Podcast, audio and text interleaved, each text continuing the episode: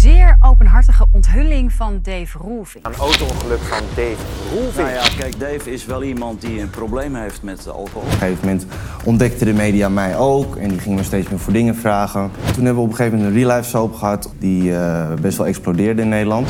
De roelvinkjes. Ja, ja. En die serie was eigenlijk een beetje meer gebaseerd eh, over mij. Van hoe gaan we die losbolzoon van je op het goede pad krijgen. Wat gaat hij doen met zijn leven? Daarin ging ik ook draaien. Voordat het begon werkte ik weer in een soort koffiezaak, een soort uh, koffiecompagnie-achtig ding. En de week daarna had ik gewoon 100 boekingen in mijn agenda. En overal waar ik kwam uh, moest ik tussen vier, vijf beveiligers moest ik een podium op. En uh, vrouwen die flauw vielen, letterlijk. En, en ambulances.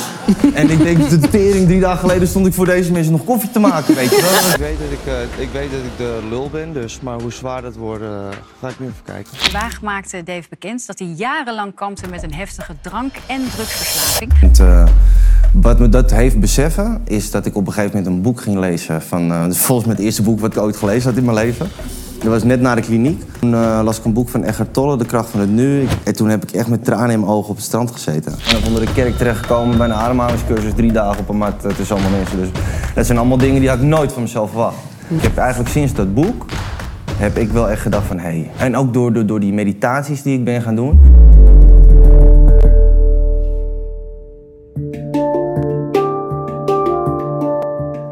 En op het moment dat jij in herstel komt en echt de dingen gaat doen die je moet doen. Ik werk via een 12-stappenprogramma. Daarnaast nog de tools die ik heb uh, geleerd met meditatie, met ademhalingsoefeningen. Veel praten over je gevoel, veel naar meetings gaan. Dat is herstel. Als je op die manier gaat leven, dan ben je niet alleen maar niet meer aan het gebruiken, dan kom je op een punt dat je niet meer wil gebruiken. En dat is zo'n groot verschil. Dus ik herkende die patronen Omdat je zo niet meer. goed zat in Omdat ik me zo goed voelde. Maar ik voelde me zo goed omdat ik die dingen deed. Maar dat was ik even vergeten. Ja, ik ging dat oude leven gewoon weer leiden. Ik ging weer met veel met mensen om die dat gewoon uh, gebruikten. En dat is helemaal niet erg, vind ik, als je ook dat andere ernaast zet. Maar dan word je weer een soort van jaloers van... kijk, hun kunnen allemaal gezellig met z'n allen drinken... en ik zit hier met eentje aan de bar...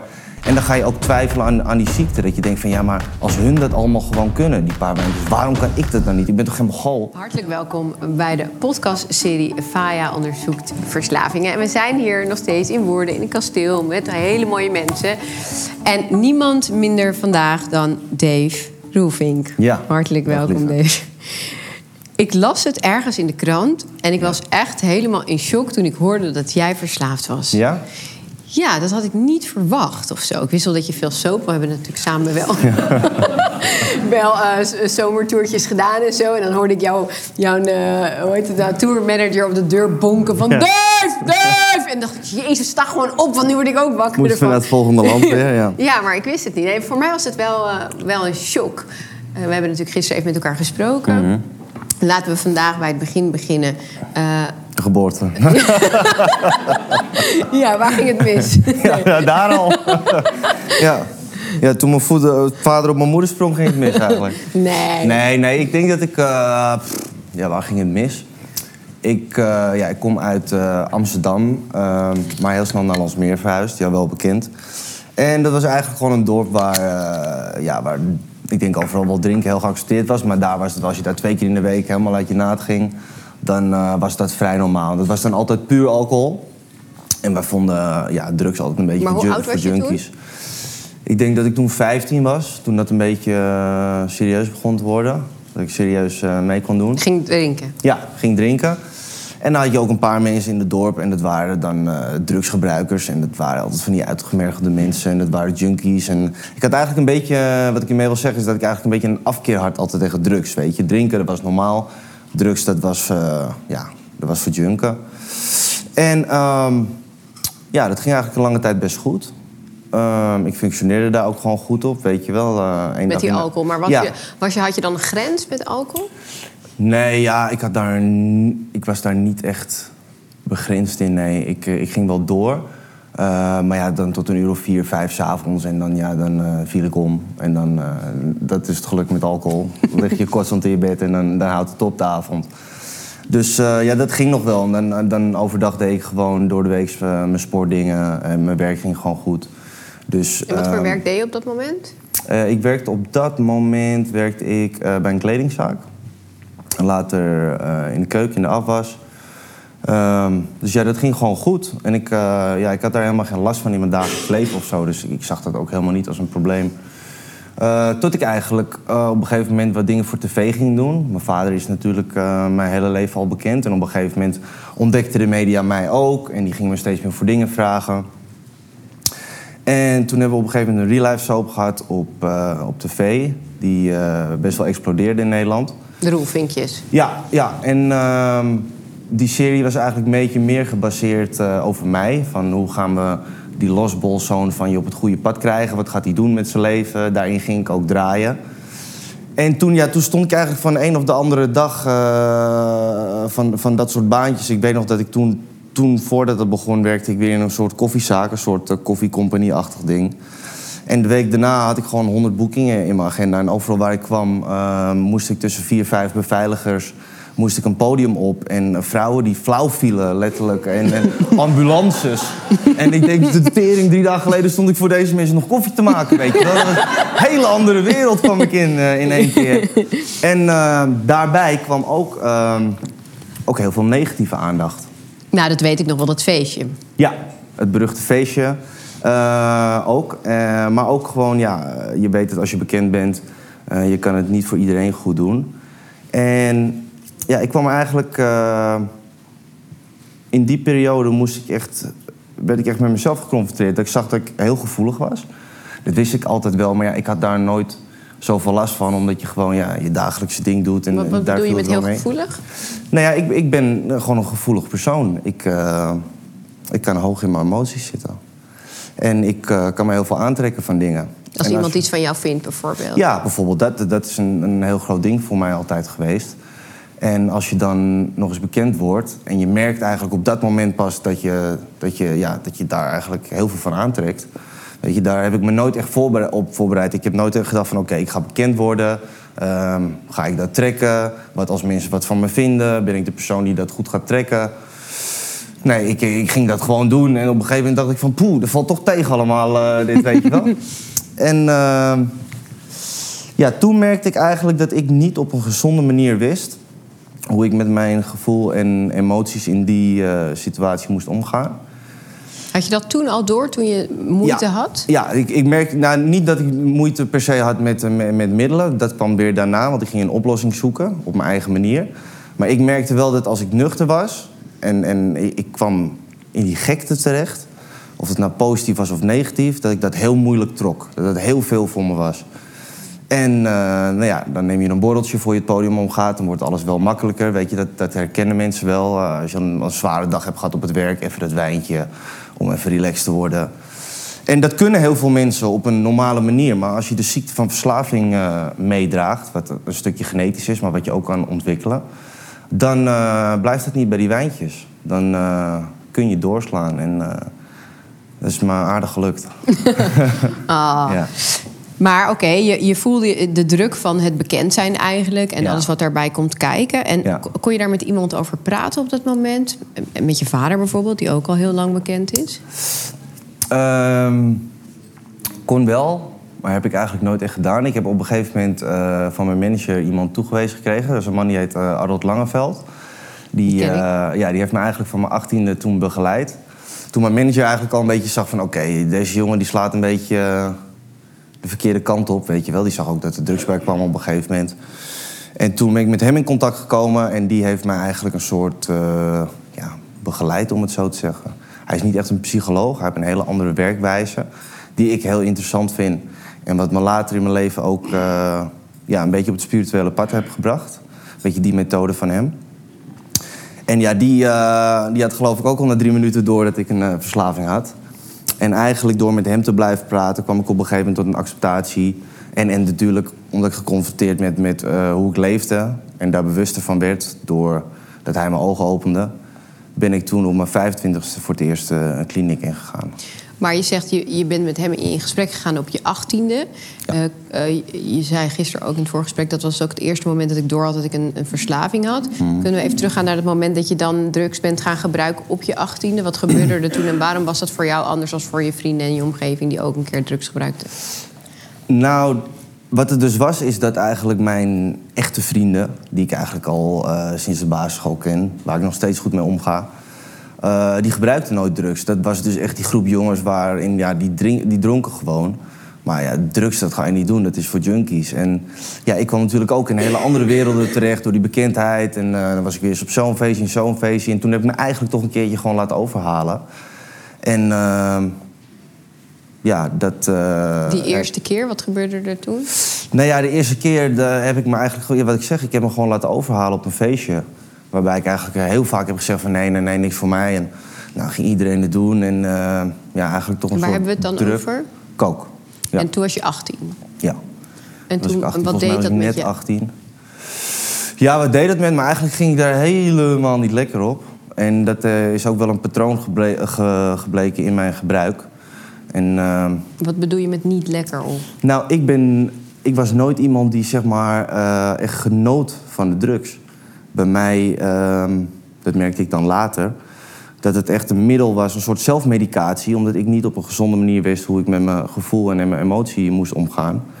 Eh, echt om uit mijn hoofd te komen. Alleen wat daarbij kwam, is dat ik eh, heel angstig werd van drugs. Ehm, ik ging, omdat ik dus echt verslaafd ben, kon ik ook niet meer stoppen. Dus Dus waar die dan... allereerste keer toen je 18 was, ben je toen wel gestopt? Of was het toen bij één dingetje gebleven? Of... Nee, nee, nee. Toen, eh, toen kon ik zeg maar wel, merkte ik al dat ik gewoon echt ging meedoen eh, zoals de anderen die al heel lang gebruikten, gebruikten. Ja, toen een zootje pillen erin gegooid om, om, om in, in slaap te komen en omdat ik me al niet lekker voelde worden. En eh, Slaappillen hebben we het dan over. ja, Ja. ja, ja, ja. Of Ach. sepam, dat soort dingen, om rustig te worden. Eigenlijk was het dus helemaal geen hele fijne ervaring. Nee, nee, nee. Het was eigenlijk helemaal geen fijne ervaring, nee.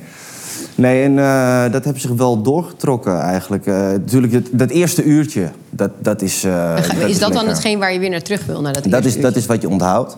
En dat is natuurlijk ook de pest van verslaving. Hè. Dat is eigenlijk een... Maar was je dan meteen al verslaafd de eerste keer dat je dat deed? Ja, ik denk het wel. Ik denk wel dat dat, ook als ik naar mijn familie kijk, heel veel alcoholisme, veel verslaving in mijn familie. Dus ik denk wel dat ik een groot stuk genen daarin heb meegekregen. Ehm, dus ik denk wel dat ik meteen verslaafd was, ja. Oké, dus het was geen prettige ervaring, maar je, dat, behalve op dat ene uurtje na. Maar kon je dan wel denken van... oké, je, je liet even al die verhalen en die ellende los... of eh, die druk die je voelde. Ja, eigenlijk Dus dat, dat voelde je allemaal niet. En, in da- en Ja. daarvoor in de plaats kwam er wel angst. Ja, dat kwam dan daarna, maar de- eigenlijk dat, dat eerste uurtje eh, bracht mij eigenlijk een soort van in het nu. Dus Oh ja. alles vergeten, gewoon in het moment zijn. Niet zorgen maken om morgen, geen spijt hebben van het verleden. Ehm, eigenlijk dat. Is dat wat, wat er gebeurt bij jou zonder drugs? Dat je continu in het verleden en de toekomst zit? Ja, ja. Ja, daar heb ik eigenlijk altijd mee geworsteld. Dat ik eigenlijk op een gegeven moment... eh, wat me dat heeft beseffen, is dat ik op een gegeven moment een boek ging lezen. Van, eh, volgens mij het eerste boek wat ik ooit gelezen had in mijn leven. Dat was net na de kliniek. Toen eh, las ik een boek van Eckhart Tolle, De Kracht van het Nu. Ik denk heel bekend eh, voor, voor heel veel mensen. Ik had nog nooit van die hele gozer gehoord. maar eh, ik, ik ging dat boek lezen. En toen heb ik echt met tranen in mijn ogen op het strand gezeten. Toen dacht ik echt van ja, dit is waar ik echt mijn hele leven naar gezocht heb. Oh. Ja, nee, echt. Dat was echt. ik, ik voelde hem ook, dat boek, dat neemt je eigenlijk mee. En die leg je uit hoe je, hoe je dat soort momenten kunt bereiken. En op een moment in dat boek, toen was ik daar ineens. En toen dacht ik van wow, dit, dit is het. Ik heb altijd ook tegen mijn moeder gezegd van ik heb een. een ja, we hebben allemaal eh, eh, pieken in ons leven en dalen in ons leven. Maar ik zeg altijd, ik heb een soort basisniveau, noemde ik dat dan maar. Hoe je je ja, meestal voelt, hoe je wakker wordt, wat een beetje je normale gevoel is. En dan gaf ik mezelf altijd een vier. Omdat ik gewoon... Ja, en ik wist ook niet waarom. En, En weet je eh, dat nu? ja, dat weet ik nu, omdat ik nooit in het nu was. Omdat ik altijd maar eh, bezig was met dingen te halen of, of zorgen te maken of spijt hebben van dingen. Ehm, maar gewoon nooit in het nu kunnen genieten. Weet je, hier, hier zijn, en maar eigenlijk eh, met je hoofd al. eh, Bij het verleden of de toekomst? Ja. ja. En toen ik dat boek dus las, toen, toen dacht ik van hé, hey, nou weet ik waar die vier vandaan komt. je bent helemaal niet aanwezig hier. Ja. Ja. Mooi. En heb je dat kunnen transformeren ook? Eh, ja, ik, ik ben ermee bezig en dat, dat lukt eh, vaak. Eh, lukt steeds beter. denk dat er weinig mensen zijn die, eh, die dat oprecht altijd zijn. Weet je, dat zou je dan verlichting moeten noemen. Eh, dus nee, ik, ik ben niet verlicht. Maar ik, ik, heb wel, ik heb wel van die momentjes dat ik dat, ik dat voel. En dat ik denk van, hé, hey, dit, dit is er, dit bestaat. Dit, dit- dat gevoel van gewoon het bewustzijn. Dat, ja, dat is heerlijk. Oh, mooi. Dat is, dat is een soort drugs dan weer, eh, gezonde drugs. Weet je wel? Ja. Als je gewoon in het nu bent en je, en je kan gewoon ehm, ja, die rust voelen in dat bewustzijn, dan heb je helemaal niks nodig. Nee. Mooi. Goed hè? Ja. ik had eigenlijk nooit eh, verwacht dat ik dit nog zo uit jouw mond Nee, nou geloof ik ook niet. Ja, en dan, en dan is er dan toch die terugval een tijdje Ja. geleden eh, geweest. Ja. En, en kan je uitleggen hoe dat dan komt? Ja, zeker is wel duidelijk voor mij. Eigenlijk in, eh, in herstel leven is heel iets anders dan niet meer gebruiken. Je kan op je tanden bijten en met heel veel wilskracht kan je eh, van de middelen afblijven en een heel ongelukkig leven eh, leiden. Dat kunnen, kunnen sterke mensen kunnen dat. En op het moment dat jij in herstel komt en echt de dingen gaat doen die je moet doen. ik werk via een 12-stappenprogramma van, eh van NA. Ehm, daarnaast nog de tools die ik heb eh, geleerd met meditatie, met ademhalingsoefeningen. Veel praten over je gevoel, veel naar meetings gaan. Dat is herstel. En als je op die manier gaat leven, dan ben je niet alleen maar niet meer aan het gebruiken. Dan kom je op een punt dat je niet meer wil gebruiken. En dat is zo'n groot verschil. En op het moment, eh, eigenlijk heb ik dat 2,5 jaar echt, of twee jaar heb ik dat echt goed gedaan. En voelde ik me echt supergoed. Dan kwam ik echt op momenten dat ik gewoon moest lachen om mezelf. Omdat ik dan gewoon een vondelpark in kon lopen bij mij. Een boom gaan knuffelen. Ja, eh, of een boom aanraken, dat soort dingen. Maar, maar dat, dat nog niet eens. Maar dat ik gewoon echt keek. En dat ik dus zo in het nu was. En dat ik dan die blazen... En dat ik gewoon, gewoon emotioneel kon worden van dat ik me zo goed voelde. En toen dacht ik, weet je wat ik doe? Nou weet ik het wel. Dan ga ik het zelf weer doen. Dan, het is heel moeilijk. Kijk, verslaving is een ziekte en er is geen medicijn voor. De enige medicijn wat wij hebben, dat is dat programma. Eh, voor mij tenminste. En het is heel moeilijk om je medicatie te nemen als je je niet ziek voelt. Als je je ziek voelt. Want er zit ook medicatie Nee, er is geen. Dat, dat, Nee, dat dat bedoel programma, ik. Er is 12 geen, er is geen Ja. medicatie. Onze medicatie is die manier van leven. Ja. En als jij je niet meer ziek voelt, dan is het heel moeilijk om, die, om jezelf te dwingen om toch die medicatie te blijven nemen. Zo Ja. zie ik het een beetje, weet je wel. En ik voelde me op een gegeven moment weer heel goed. En toen dacht ik van ja, ik ben er nu, weet je wel. Ik heb dat niet meer nodig. Nou, en dan, dan kruipt eigenlijk ehm, het verslavingsgedrag, noemen we dat dan. Dat, dat kruipt weer echt terug in je leven. Weet je wel. eh, Wat gebeurde er dan? ja, dat is gewoon weer eh, oude patronen. Dus dat is, dat is door, door toch niet ehm, genoeg van jezelf te houden... of toch niet tevreden genoeg met jezelf te zijn... ga je minimaliseren of, of dingen groter maken. En dat kunnen in kleine dingen zitten, weet je wel. Eh, als, je, als je 100 euro hebt verdiend, dat je, dat je dan zegt... Hey, ik heb gisteren 150 euro verdiend. Ik bedoel maar wat. Dat zijn van die hele kleine dingen. En als je dan kijkt van waarom... Het is vaak heel onbewust, weet je wel, dat je dat doet. En ik heb gewoon geleerd dat ik dat doe... omdat ik dan toch niet eh, goed genoeg voel of zo. Weet je wel. Dat zijn van die kleine dingen. Eh, manipuleren om je zin te kunnen krijgen. Dus gewoon ehm, niet. eh, niet eh, situaties niet kunnen accepteren die niet gaan zoals jij wil. Ehm, wat ik heb gemerkt, als je dat wel doet, dat dat dan vaak gewoon een doel hebt of een reden hebt dat er weer iets beters op je pad komt. Maar je dan zo aan iets vast willen hechten, dat je daar alles voor gaat doen. Ehm, nou, dat is echt verslavingsgedrag. En eh, op het moment dat jij op een meeting zit en je hebt allemaal mensen om je heen die dat ook hebben en dat herkennen, blijf je jezelf eraan herinneren.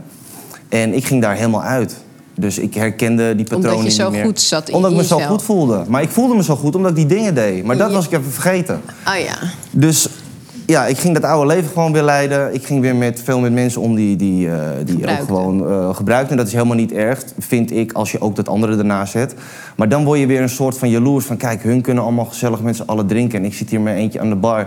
En dan ga je ook twijfelen aan, aan die ziekte. Dat je denkt van, ja, maar als hun dat allemaal gewoon kunnen, die paar wijntjes... waarom kan ik dat dan niet? Ik ben toch geen mogol? ja, want als jij één wijntje eh, drinkt... Sorry voor mijn taalgebruik. ik vergeet af en toe de camera's. nee, maar als jij dan zeg maar één wijntje drinkt... dan is, het- wordt het meteen cocaïne ook. Ja, ik kan geen één wijntje drinken. En dat is voor mij echt wat verslaving is. Het is gewoon... Ik doe er alles aan om niet die eerste op te pakken. Want als ik die eerste oppak, ben ik echt de lul. En dan kom ik echt in, eh, in hele zware toestanden. Ik heb echt eh psychoses gehad. Ehm, Hoe komt dat? Omdat je dan doorgaat? omdat je dan zoveel drugs... Ik, ik ga gewoon soms drie, vier nachten door. En dan bedoel ik ook niet meer slapen. Dus dat zijn echt marathon. Ik ben echt een binge gebruiker. In je eentje? Ja, in mijn eentje thuis, geïsoleerd, heel zielig. In je eentje met drugs en drank om je heen. Gewoon de werkelijkheid willen vergeten. En eh, door die verslaving gewoon niet meer kunnen stoppen. En dat is, dat is wat mensen vaak onderschatten. En ook zelf ga je dat snel onderscha- scha- onderschatten. Want je, je hersenen onthouden altijd dat plezier, weet je wel. Die wil die dopamine-kick weer hebben. Maar die is alleen dat eerste uurtje. Dat is dat eerste uurtje. Ja. En eigenlijk is die, die, die, die, die verslaving, die ziekte, die wil je eigenlijk een beetje doen vergeten van wat die consequenties allemaal zijn. Die wil je alleen maar naar die dopamine toe brengen. Ja. En die vergeet eigenlijk van ja, maar over twee uur zit je als een waanzinnig op de bank, helemaal bang voor alles. eh, eh, waanbeelden, eh, de gekste dingen. En daar moet je heel erg voor oppassen. Ja. Dus dat is er eigenlijk gebeurd. Je, je, je dacht dat je genezen was. Je, je bent weer met verkeerde mensen omgegaan. En toen kwam die terugval. ja, ik dacht eigenlijk dat ik genezen, genezen was van een chronische ziekte. Ja, ja dat is wat het is. Ja, oké. En, en, en ik las volgens mij, of ik heb jou dat ergens willen zeggen... dat er twee terugvallen achter elkaar toen zijn geweest. Nou ja, het, het is... eh, Of het was gewoon vier twee, dagen? twee keer gebruik. Kijk, mijn, mijn terugval...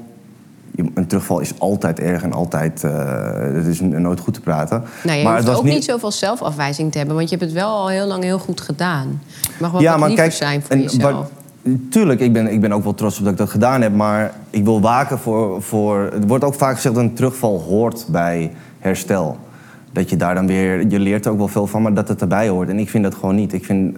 Een terugval hoort echt bij de, bij, de, bij de verslaving. Want Oh, ja. als jij de dingen blijft doen die je moet doen... is een terugval helemaal niet nodig. Dat slaat nergens op. Het is niet zo dat dat er maar bij moet horen. Het is, helemaal, ik, het is wel zo dat ik daar weer heel veel van geleerd heb. En dat ik me nu nog sterker voel. En dat ik nog alert- meer alert ben daardoor. Maar ik vind niet dat dat eh erbij Maar zou je het dan, als je nu er naar terugkijkt... zou je dat willen hebben gemist, die terugval? Nee, nee, dat niet. Nee, want mijn Dus terugval dan was... hoort het toch wel bij je herstel? Ja, nu hoort het wel bij, maar het, het, is niet nodig om clean te blijven. Dat is meer wat ik wil zeggen. Het is niet zo dat je terugvallen nodig hebt om clean te blijven. Nee. En mijn terugval was ook, ik, ik zei twee keer, maar het was dan eh, eh, twee keer gebruik, had ik gezegd, in, in een periode van eh, een half jaar. Ehm, maar wat je ook vaak ziet als mensen terugvallen, dat ze dan weer helemaal op dat oude pad komen. En ik was ook net eh, vader geworden. Ik heb net een zoontje van twee. Ja. Dus ik dacht van, hé, hey, oké, ik heb één keer gebruikt. Dat was die terugval. Ik heb nu een zoon, ik, ik moet dit niet meer doen. Weet je, en dan kom je weer dat je denkt van, oké, je, jezelf weer even strak trekken en weer het goede pad op. En toen gebeurde het nog een keer. En toen dacht ik van, oké, er is blijkbaar iets, ik weet wel nog niet genoeg. Of er is iets waardoor ik het toch weer doe, waar ik toch voor drugs kies. Terwijl ik weet dat ik gewoon vader ben, dat ik een kind van twee thuis heb. Ja. Dat ik dat toch weer ga doen. Maar er was waarschijnlijk een druk weer wat te hoog was, of niet? Ja, dat was druk. Een, een Dat- kind krijgen is ook een, een druk. Ja, En de tuurlijk. verantwoordelijkheid daarvoor nemen en Ja. hebben. En, en alles wat erbij komt kijken. Je, je hebt, wat ik super knap vind, nog best wel lang een DJ-carrière volgehouden, nuchter. Nou, Ja, ik heb het drie jaar nuchter gedaan. dat is super knap. Ja. S'avonds opstaan, eh, naar zo'n boeking rijden. Dus je hebt jezelf ook veel opgelegd. Ja, tuurlijk. Maar kijk, het mag natuurlijk nooit een reden zijn dat je, dat je zegt van... oh ja, maar ik heb dit of ik heb dat. En eh, ik, heb nu, ik ben nu vader, dus er is heel veel druk. Dus dat dat dan goed praat dat je gaat gebruiken. Dat je, moeilijk, dat je daar moeilijk mee hebt, dat mag. Maar ga het op een gezonde manier oplossen. Weet je, ga naar die meetings, praat erover. Ehm, los die dingen gewoon op een gezonde manier op. En toen ik zag dat ik dat dus niet deed... toen dacht ik van nee, ik ga niet weer terug naar waar ik was toen ik 25 was. Ik ga nu ingrijpen. Dan maar weer naar de kliniek. En dan eh, vertel me maar wat ik verkeerd doe. En, wat deed eh, je verkeerd? Eh, nou ja, daar ben ik er dus echt achter gekomen wat, ik, wat ik net Lieve luisteraar, even een klein berichtje van mij tussendoor. Misschien is het je ontgaan of misschien heb je hem al. Ik heb een heel mooi nieuw boek geschreven, het Killer Mindset boek. In 12 stappen de echtste versie van jezelf. Het is een boek waarin bewustwording absoluut centraal staat en ik ben er erg trots op. Maar wat misschien nog wel veel leuker is, is dat ik eind jaar in het theater sta met een Killer Mindset Tour. En dit wordt een interactieve tour, eh, talk eigenlijk, waarin jij centraal staat, muziek, dans, ademhalen, noem het maar op. Alles is aanwezig en ik hoop jou daar te zien. Je kunt de ticketlinks hier onder de podcast vinden. zei. Dat ik gewoon ehm, Aan het uitstellen was. aan het uitstellen was. En, en dat ik gewoon niet meer de dingen deed die ik moest doen om in herstel te zijn. En gewoon alleen maar op het tandvlees clean was. En dat was dus blijkbaar nodig om daar even te horen. ehm, om dat echt weer te gaan geloven. Dat dat me echt helpt. Want ik dacht op een gegeven moment van ja, zal het nou allemaal helpen, weet je wel? Ja, het helpt. Ja. Ja. Ja, en die geluksmomentjes, kan je die weer ervaren? Want ik, ik heb Ja. een hele mooie spirituele reis van jou eh, gezien... waarvan ik eerst dacht, hé, waar kijk ik naar? Waar kijk ik? Waar, waar heb je dat gezien? nou ja, gewoon wat je doet op je Instagram... en met je Oh, trommel ja, ja, ja, en met je, Nou, met je bierrookje. En, eh, Tuurlijk. Nee, kijk, ik, eh, ik hou er wel altijd van om de, de draad met dat soort dingen te steken. Oh, dus het is allemaal nep. Nee, het is niet allemaal. Nee, het, het, het is niet allemaal nep. Nee, het is, het is wel iets wat ik heel leuk vind. Maar. eh, Maar kom je ook laatst tegen op zo'n event met die eh Indiër... eh, ja, ja, ja. Nee, dan daarom zit je daar toch in je Ja, eentje. tuurlijk. Nee, ik, ik, ik vind dat zeker. Ik ben ook in mijn eentje in een of andere kerk terechtgekomen bij een ademhalingscursus. Drie dagen op een mat tussen allemaal mensen. Dus dat zijn allemaal dingen die had ik nooit van mezelf verwacht. nee. Dus dat, nee, dat is zeker. Ik heb, ik heb eigenlijk sinds dat boek heb ik wel echt gedacht van hé. Hey. En ook door, door, door die meditaties die ik ben gaan doen, heb ik gewoon die eigenlijk waar Ec- Eckhart Tolle het over heeft, dat bewustzijn, dat wat je dan zou zijn, dat heb ik echt gevoeld tijdens die meditatie. En hoe vaker ik dat doe, hoe consistenter ik dat doe, hoe meer ik dat voel. En dan ga je het echt geloven. En ja, dan Maar heb je je hebt ook... natuurlijk ook vanaf je achttiende met Arold eh, ge- gesproken. Ja, en die zit- ook die- natuurlijk deze Ja, informatie. Want daarom. wat heb je van hem geleerd? Ja, hij heeft me eigenlijk. ehm, hij heeft me eigenlijk op die manier leren denken. Want bij psychologen ben je toch vaak, ook vind ik, eh, heel veel ego aan het aanpakken. En wat hij me eigenlijk leert, is om scheid te hebben aan dat ego. Dus gewoon in die acceptatie te leven en, en te zien dat jij je gedachten niet bent. In plaats van hoe kan ik mijn gedachtegang veranderen? Ik- zie gewoon dat jij ze niet bent. En dat is een hele andere kijk. Dat is totaal de andere kant op, weet je wel. Dus je kan, weet je, voor, misschien werkt het een of ander. Ik wil niks afkeuren, maar voor, voor mij werkt dat heel erg. Omdat ik dat ben gaan geloven. Omdat ik ook echt die plek heb gevoeld die er bestaat. Mooi. Ja. Maar aan de andere kant, die twaalf stappen is wel van... ik ben een verslaafde. Of hoort dat niet in die twaalf stappen? Zeg ik dat verkeerd? Want dat vind ik dan wel weer heftig. Eh, ja, tuurlijk. Ik ben verslaafd, maar een verslaafde dat heeft te maken met een, ehm, een, een hersenstoring die gewoon in het DSM is opgenomen. En die, die staat gewoon ehm, tussen angststoornissen, bipolair, ehm, depressies. Oké, dus die, die, dat je dat moet zeggen over jezelf... dat vind je dan niet... eh, nou ja, ik ben vind ik een hele krachtige affirmatie. Dus je hebt een verslaving. Je bent toch niet een verslaving? Nou ja, je hebt, je hebt een chronische ziekte, dus ik vind het heel moeilijk hoe ik dat dan, eh, hoe, hoe ik dat dan anders moet zien. Dat, dat heeft voor mij niks met een gedachte te maken. Het is een soort afwijking in mijn hoofd waar ik of mee geboren ben of gecreëerd heb.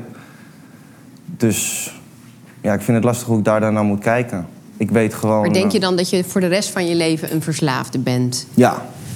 Ja, verslaafd ben je in mijn ogen en door eh, eh, heel veel onderzoekers ben je dat altijd. Ja.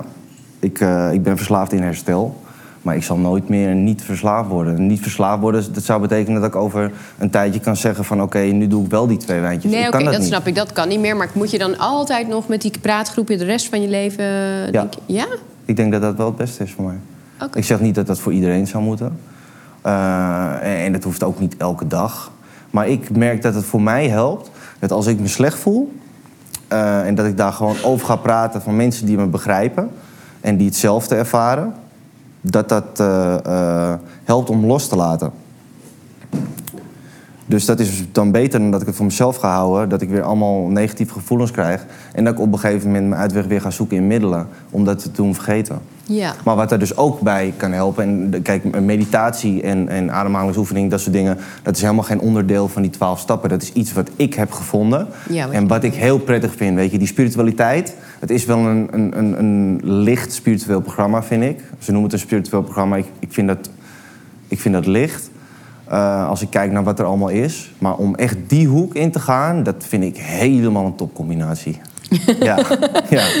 Ja, Ja. mooi. Ik vind het super mooi dat je dat Ja. op deze manier aanvliegt. En wat ik ook heel mooi eh, vind, dat weten volgens mij niet zo heel veel mensen, is dat jij ook een verslavingskliniek hebt. ja, klopt. Ja. Ja, kan je daar iets meer over vertellen? Ja, eigenlijk toen ik twee jaar clean ben, eh, ben ik dat toen begonnen met mijn toenmalige sponsor. Dat is, een, dat is niet iemand die je geld geeft, maar een sponsor in, in, het, uh, in het programma. Dus dat is eigenlijk iemand die de twaalf stappen al heeft doorlopen en jou helpt als je net begint.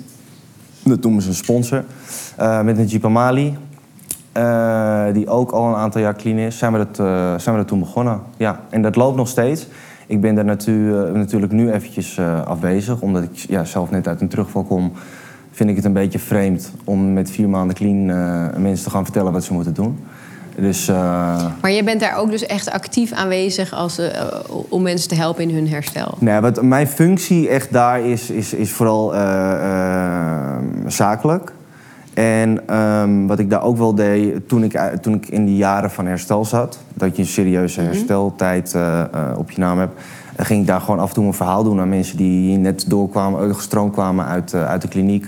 Oh ja. Vertel ik gewoon hoe ik het heb gedaan en wat mij helpt. En hopen dat het hun kan helpen. Ja. Maar het is daar gewoon een, een kliniek met uh, psychologen, ervaringsdeskundigen, psychiaters. Um, mensen die er uh, ja, echt voor geleerd hebben. Uh, maar ook met dat stukje uh, uh, ervaringsdeskundige erbij. Dat vind ik wel echt heel belangrijk. Ja, want ja. daar kunnen mensen vaak veel beter mee identificeren. Ja, ja ik, ik vind die combinatie gewoon goud. Ik vind dat je het alle twee nodig hebt. Je hebt en iemand nodig die precies weet waar je doorheen gaat. Die het zelf het kuntje al hebt geflikt. Dus ja, naar wie kan je beter luisteren dan naar zo iemand, denk ik dan altijd. Ja. Maar ook diegene erbij die ervoor geleerd hebt. Want ja. okay, ik kan het je wel allemaal vertellen, maar ik vind het toch fijn om een professioneel iemand ook daarna laten te kijken. Ja, en ik, zag, ik zat gisteren even op je Instagram te neuzen. Ik zag dat je ook wat meer ging doen. Wat kunnen we van jou verwachten de aankomende tijd? Ja, nee, wat, wat ik eigenlijk merkte na mijn, uh, na mijn terugval, uh, nu vier maanden geleden, kwam ik uit de kliniek. En toen had ik daar eigenlijk een, een bericht over gepost van nou, dat, dat het me gebeurd was. Ik denk, ik ga geen stopje spelen, ik zeg het gewoon. En er kwam eigenlijk heel veel, uh, ja, heel veel positieve berichten uit, heel veel steun. Maar... Ook misschien wel weer negatieve berichten, of niet? Moet ik je zeggen dat, ik nog nooit zo weinig negatieve berichten heb? Ja, omdat je ook terecht Ja, natuurlijk heb je een of andere gozer met een kat uh, als profielfoto die zegt uh, van snuif jij lekker nog een uur. Ja, natuurlijk heb je dat. Maar ja, ja die, die tijd dat ik me daar druk om maak is wel voorbij. Want dat, dat, is eigenlijk ja. mijn volgende vraag. Maar maak eerst dat dit maar even af. Ja. Hm. Nee, dus uh, ik zit nou maar met die kat in mijn hoofd. Wat is nou vertellen? de, de, die vraag was van, wat kunnen we van jou verwachten? Je hebt heel veel ja. positieve berichten gehad. Ja. ja, dus ik heb heel veel van die positieve berichten gehad. Maar eigenlijk nog veel meer hulpvragen. Of, of mensen die gewoon even willen laten weten dat ze in hetzelfde verhaal zitten. Kijk, we hebben 2 miljoen verslaafden in Nederland. Dat is echt een heel, heel groot percentage van Nederland. Dat wil eigenlijk zeggen dat iedereen er wel mee te maken heeft. Of jij het nou zelf bent, of iemand in je familie, of een goede ja. vriend. Iedereen kent iemand die een alcohol, seks, whatever voor probleem heeft. En um, ja, ik heb gewoon gemerkt dat ook naar de kliniek gaan echt wel een stap voor mensen is. Ja. Ga me bijschenken, ja. ik moet nog wel rijden. nee, dat is een grote stap voor mensen. En wat ik eigenlijk wil doen, en ik wil er ook heel voorzichtig mee zijn... Want ik wil zeker geen vervanging zijn van een kliniek of een psycholoog of whatever. Ik ga mensen meenemen, omdat ik nu pas weer net clean ben, hoe ik het doe. Wat mij helpt, wat ik doe.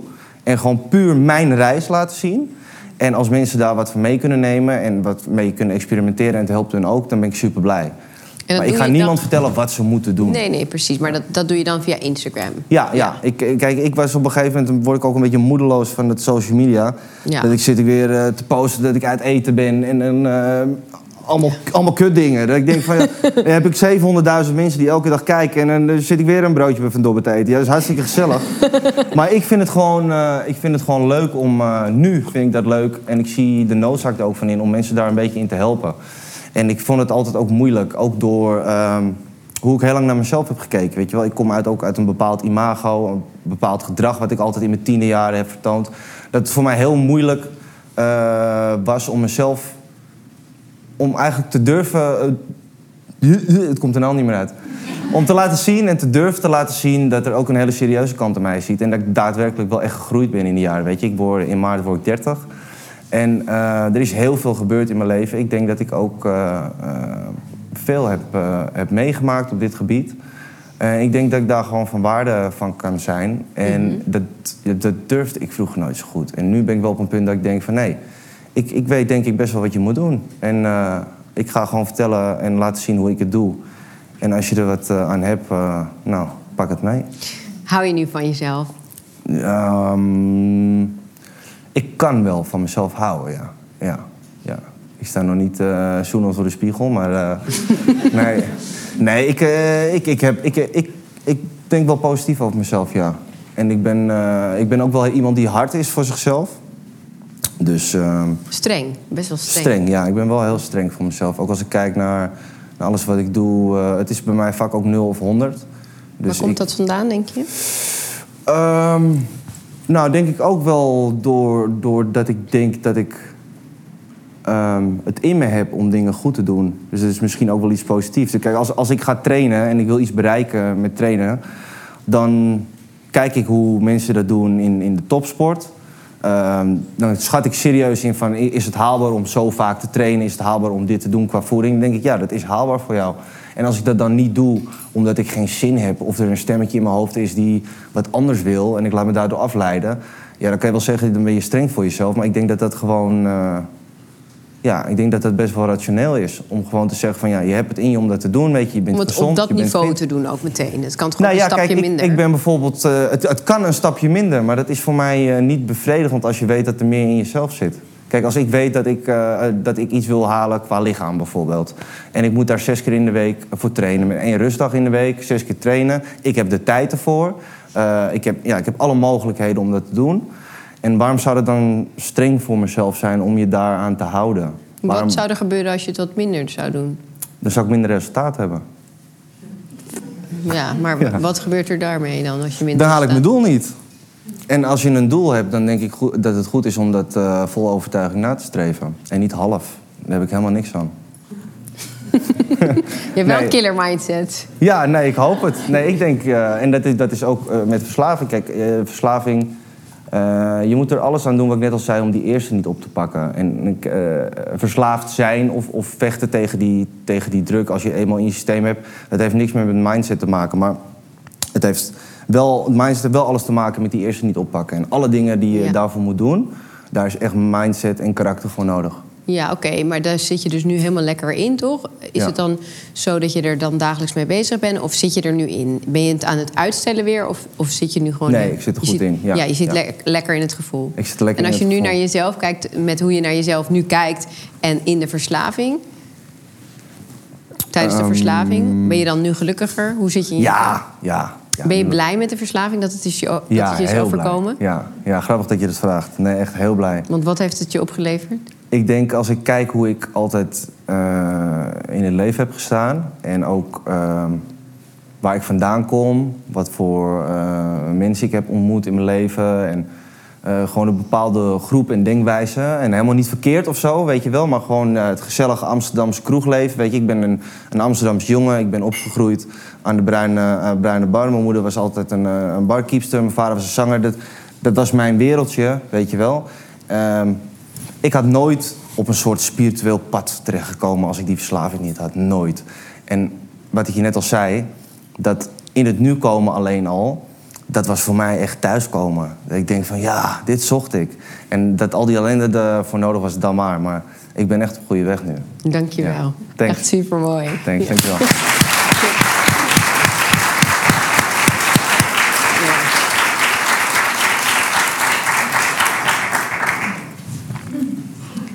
Zijn er vragen voor Dave? Daarachter Melis. Hoi, eh, vraag voor Dave. Eh, eh, ik doe ook veel eh, mindfulness en eh, mediteren. Ja. Ook van uh, Fire van de Meditation app van eh, Mike Plasik. Maar wat is jouw favoriete meditatie? Is het een geleide of een, eh, dat je gewoon helemaal niks eh, hoort zelf? Nee, ik doe helemaal niks. Dat, tenminste, ik doe...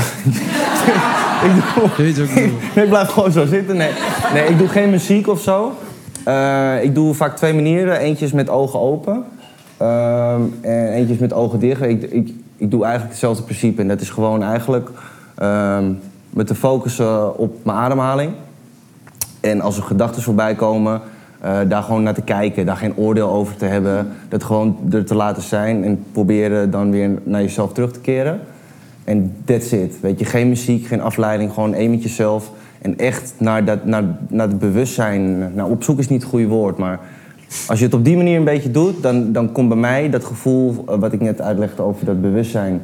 voel ik dan echt. Dan denk ik van, hé, hey, er, is een, er is een plek. Ik, of ik voel dat ik iets ben wat groter is dan dit. En dat bereik ik eigenlijk vaak op zo'n manier, zonder poespas. Oké, dank je. Thanks. Ja, wacht, uh, Chant, ja? Ik zit hier echt super, super, super enthousiast. Ik vind het echt zo mooi wat je vertelt. En ja, ik heb mijn zoontje natuurlijk verloren uh, zeven jaar geleden, elf. En ik ben het zusje van Fai. En het Oh, raakt me ook wel een beetje wat je zegt over Eckhart Tolle. Uh, want ik was 19, ik ben nu 36 toen ik de kracht van het nu las. En precies hetzelfde als wat jij uh, omschreef, dat ik heel erg in het verleden en de toekomst kon leven. En dat dat boek voor mij voor het eerst tranen over mijn wangen omdat ik gewoon in het nu kwam, zeg maar, door dat te lezen. En ik ben van mijn 19e tot mijn 29e heel veel gaan oefenen met dat boek. Tussen alle heisa en gedoe en feestjes door in mijn leven. Want daar zat ik ook in. Ik drink nu vijf jaar niet meer.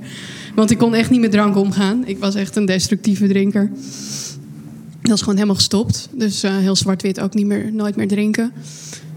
Um, maar na het verlies van Elvin heeft... Eigenlijk heb ik een boek, dat heet Kracht van Zelfliefde. Maar vooral aanwezig zijn en voelen in je lijf... Uh, de lichaamsenergie zoals Eckhart Tolle dat als geen ander kan omschrijven. Dat is echt mijn nummer één medicijn geweest.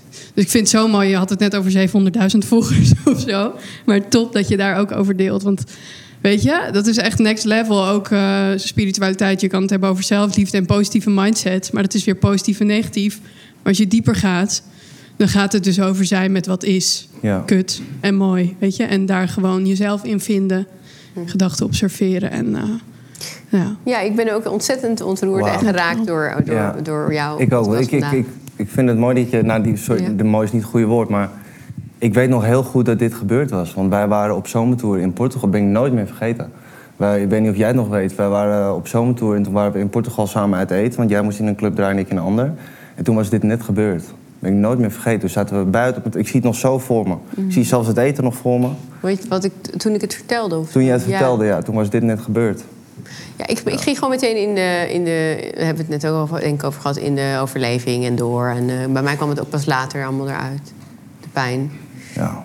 Ja, maar eh, heel mooi, mooi. Je bent een mooi mens. Je mag wat liever zijn voor jezelf. Dankjewel, schat. Ja. Thanks. ja.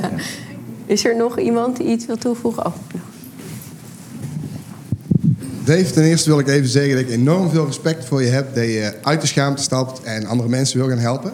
Alleen nou heb ik de rode draad van vandaag een beetje gevolgd. En eigenlijk is iedere verslaving gebaseerd op ik ben niet goed genoeg diep van binnen. Dat je dat jezelf wijs maakt. Heb je het idee dat dat klopt? Dat je tegen jezelf zegt ik ben niet goed genoeg. Eigenlijk daar de angst en de onzekerheid een beetje geboren is. En dat je dat probeert te verbloemen.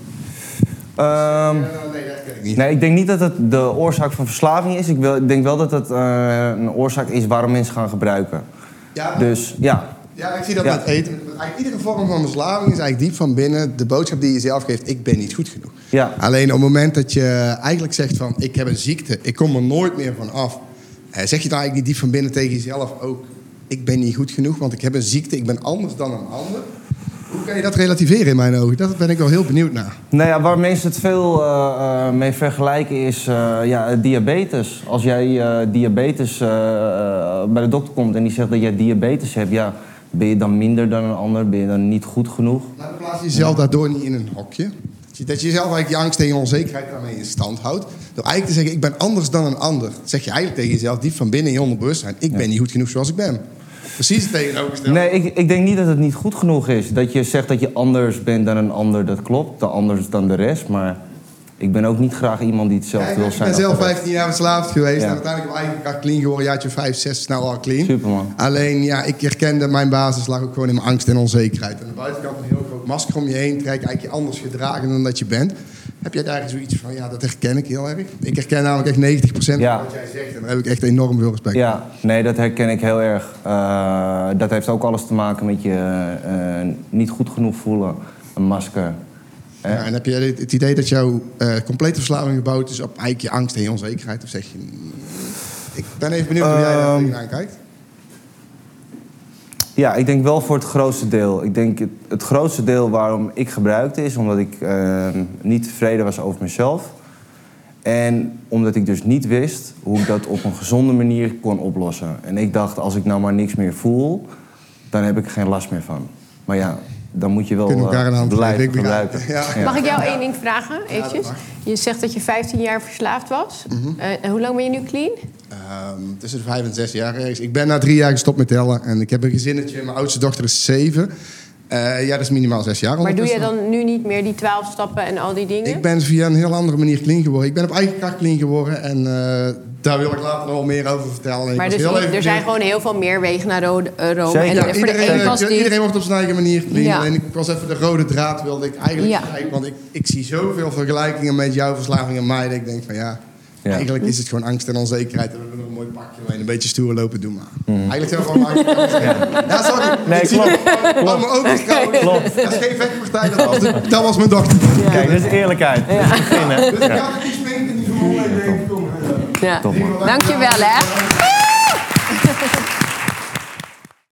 Wat een prachtig mooi verhaal. Ik ben geraakt door de kwetsbaarheid en eerlijkheid, eh, authenticiteit van Dave. En ehm, ik vind het heel mooi hoe hij zijn reis beschrijft. Hoe hij zijn heil vindt in spiritualiteit en hoe hij daar ook in al ontzettend ontwikkeld is. Als je dan kijkt naar waar de verslaving vandaan komt, kun je je afvragen: was het er wel of niet geweest als hij die druk niet had gevoeld als jonge jongen om op tv te komen en bekend te zijn? Als ouder doen we altijd ons best, maar we weten natuurlijk niet eh, hoe het moet. En ehm, ik herken dat ook bij mezelf, dat je ja, je kind wil stimuleren. En ik geef bijvoorbeeld heel veel complimentjes aan Shai, waardoor hij juist weer denkt dat hij het niet goed genoeg doet. En eh, ik dacht altijd, ik moet het goede voorbeeld voor mijn dochter zijn, dat je onafhankelijk bent en, eh, en succesvol. En daardoor denkt zij, jeetje, ik moet het opboksen tegen de carrière van mijn moeder. Dus wanneer doe je het eigenlijk goed als ouder? Denk niet dat de ouders van Dave er erg over na hebben gedacht dat het misschien een te heftige druk was. En je weet natuurlijk ook niet hoe het zou zijn afgelopen als hij die druk niet had gevoeld en of hij dan wel of niet aan de drugs is gegaan. Het is wat het is. Het is heel mooi om te zien dat hij met die twaalf stappen een stok achter de deur heeft. Ik heb ook een gesprek gehad met Koen Pieter van Dijk, dat komt binnenkort online. En die had weer helemaal niets met die twaalf stappen. Dus ik denk dat wij allemaal unieke wezens zijn en dat voor niet alles voor iedereen geldt. En dat je moet gaan voelen van, ja, wat werkt er nou wel voor mij? Voor mij werkt in ieder geval de psilocybine microdose, ik ben weer begonnen. En ik ervaar wat meer rust, want ik herken ontzettend de druk waar David over heeft. Ik kan hem ook niet heel erg ehm, ja, duiden waar die nou vandaan komt. Misschien wel van mijn hechtingsproblematiek, I don't know. Maar ik ontdek hem wel iedere dag weer opnieuw.